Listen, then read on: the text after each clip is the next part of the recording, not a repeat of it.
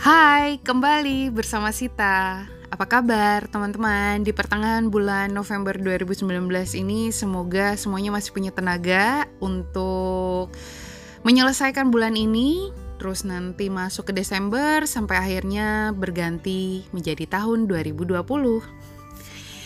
Pertama-tama gue mau ucapkan terima kasih dulu nih buat teman-teman yang udah sempet dengerin podcast gue yang pertama. Thank you banget udah ada beberapa yang langsung kontak gue ngasih feedback terus juga ada yang ngasih ide-ide juga thank you banget akan segera dieksekusi ya.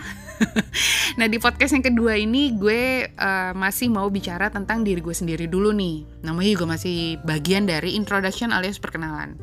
Jadi kalau kalian lihat di podcast gue tuh ada nama gue garis miring Selgi. Nah itu adalah nama Korea gue. Gue mau cerita kenapa gue bisa sampai ada nama Korea itu. Jadi eh, bagaimana ceritanya gue bisa dapetin nama Selgi ini? Sesimpel dapat dari salah satu web wisata Korea gitu lah. Gue lupa it's either KTO, it's either Visit Korea. Pokoknya waktu itu di salah satu website itu ada kuis lah. Kuis ini itu untuk bisa dapetin nama Korea kan. Wih, cara baru-baru nih seneng sama Korea. ya udah jalanin aja apalagi ada gamesnya kan Sampailah di final dari kuis-kuisan ini, si website ini mengenerate nama gue gitu. Akhirnya nama Korea gue menurut web tersebut adalah Selgi.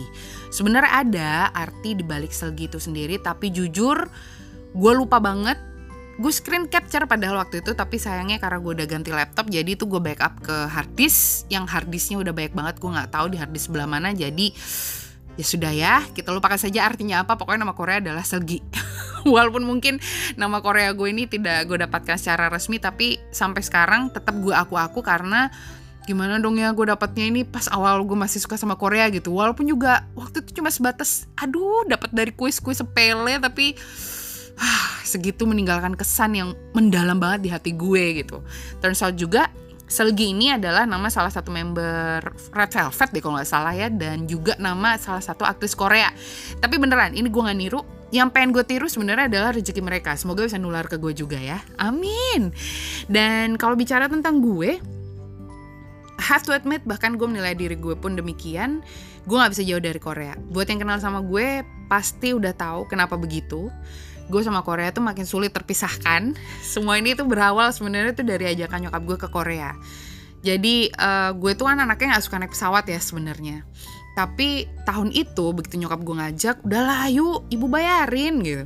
Ya udahlah ya dibayarin dan ya deh gitu. Biasanya gue bisa nolak loh serius kayak kalau dia ngajakin jalan ke mana gitu gue nggak mau tapi giliran Korea entah kenapa ya udahlah diiyain aja bisa jadi memang waktu itu pas gue juga lagi ada di titik jenuh hidup gue terus udahlah dibayarin juga again ya ditekankan pada kata-kata dibayarin. Ini adalah rezeki yang gak mungkin ditolak. Apalagi Korea. Zaman ini masih mahal banget kan waktu itu ya.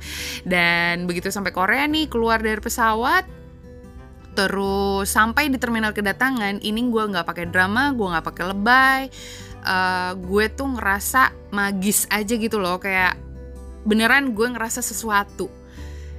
Dan anehnya adalah gue waktu itu bener-bener nggak -bener tahu apa pun soal Korea. Jadi gue nggak tahu apa-apa tapi begitu sampai sana rasanya beda. Ini tuh menurut gue sampai sekarang gue nggak bisa jelasin. Jadi memang waktu itu yang gue tahu tuh cuma sebatas judul. Gue sama sekali nggak nonton drama Korea. Gue nggak dengerin juga lagu-lagu Korea. Bekal gue apa? Ya udah bekal berangkat aja sama baju udah. Tapi sampai sana tuh gue langsung suka gitu ya. Sampai sana tuh gue melihat orang-orang Korea ini budayanya menarik gitu begitu mereka ngobrol wah bahasanya lucu gitu. Terus di gitu lihat kiri kanan waduh huruf alfabetnya ke mana ya? Isinya huruf Korea semua. Di situ gue baru tahu ternyata Korea tuh punya huruf sendiri. Hmm oke okay. maafkan pengetahuan geografi gue yang sangat buruk atau mungkin pengetahuan gue yang lain juga begitu buruk ya. Nah intinya tuh gue begitu menikmati uh, perjalanan gue di sana dan balik dari sana ketertarikan gue sama Korea ini semakin besar. Gue mulai tuh beli buku-buku untuk belajar bahasa Korea. Sosokan mau belajar mandiri, tapi ternyata nggak berhasil. Gue nge ini nggak mungkin nih gue belajar sendiri. Ya udah, mulai intens nyari tempat les. Masuklah les ini sampai gue jual handphone buat bayar lesnya. Ini termasuk niat sih ya buat gue ya. Dan um, setelah gue belajar di situ, selama nggak usah nggak usah nunggu sebulan deh. Gue belajar di situ berapa kali aja itu gue udah belajar banyak. Apalagi teman-teman gue les gue ini itu pengetahuan soal dunia hiburan Korea tuh wah luar biasa deh pokoknya. Besar banget gitu pengetahuan mereka.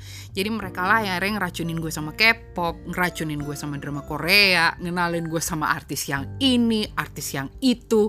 Tapi ya karena anaknya ini secara musik banget gue yang bener-bener bisa masuk ke gue itu ya cuma K-popnya aja. Akhirnya pun gue belajar tentang orang-orang di balik musik ini maksudnya ya siapa penyanyinya itu pun juga ya pelan-pelan lah ya sampai akhirnya gue bisa tahu lebih banyak lagi tentang K-pop. Bahkan waktu itu saking anak K-popan banget. Aduh, uh, siarannya boleh lagu-lagu Indonesia, tapi di luar siaran dengerin lagu Korea terus nggak ngerti artinya bodoh amat. Yang penting gue dengerin. Sampai akhirnya dipanggilnya Korean Girl. Wow, kalau dipikir-pikir kok sekarang malu dipanggil gitu ya. nah gue ini uh, bisa bertahan les di sini itu selama satu tahun. Terus iseng-iseng nyoba untuk dapetin beasiswa belajar di sana dapat loh alhamdulillah ya Allah. Emang ya Tuhan suki segitu baik sama gue gitu ya.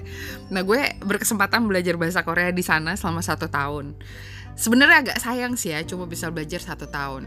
Karena menurut gue masih banyak yang perlu harus gue pelajari lagi tapi karena memang tahun 2011 itu gue bener-bener kudu balik ke Indonesia akhirnya gue harus pulang. Maunya sih setelah melakukan yang harus gue lakukan gue bisa balik ke sana lagi gitu ya hidup di sana. Kalau perlu kerja di sana beneran gitu. Bener-bener hidup di sana aja tinggal di sana gitu. Tapi emang takdirnya sih nggak gitu. Gue stay terus di Indonesia bertahan sampai saat ini di Jakarta sambil terus menerus dan selalu ngumpulin duit selalu pun berdoa nggak pernah putus untuk akhirnya bisa balik jalan-jalan ke Korea lagi. Negara lain ya kalau misalnya ada rezeki ya dikunjungi tapi tetap entah kenapa prioritas gue adalah Korea gitu. Buat gue sih udah agak susah sih ya lepas dari hal-hal yang berhubungan sama Korea karena ini adalah titik balik hidup gue yang mungkin nanti gue akan bikin episode lain tentang yang ini. Yang jelas untuk lepas dari predikat kekoreaan ini udah makin susah gitu apalagi kerjaan gue itu berhubungan sama Korea. Jadi oke okay lah, gue menerima banget takdir gue yang ini. Takdir yang menyenangkan menurut gue Sebenarnya sih sampai sekarang juga masih ada aja yang nanya sama gue, kenapa sih dari sekian banyak negara yang ada di dunia ini lo harus suka sama Korea? Why Korea? Why do you have to like Korea that much? Jawaban gue akan tetap sama. Simple sih jawaban gue. Why not? Itu aja. Oke, okay, sekian podcast gue. Uh, gue masih menunggu feedback-feedback dari kalian. Thank you for listening. Take care. Bye bye.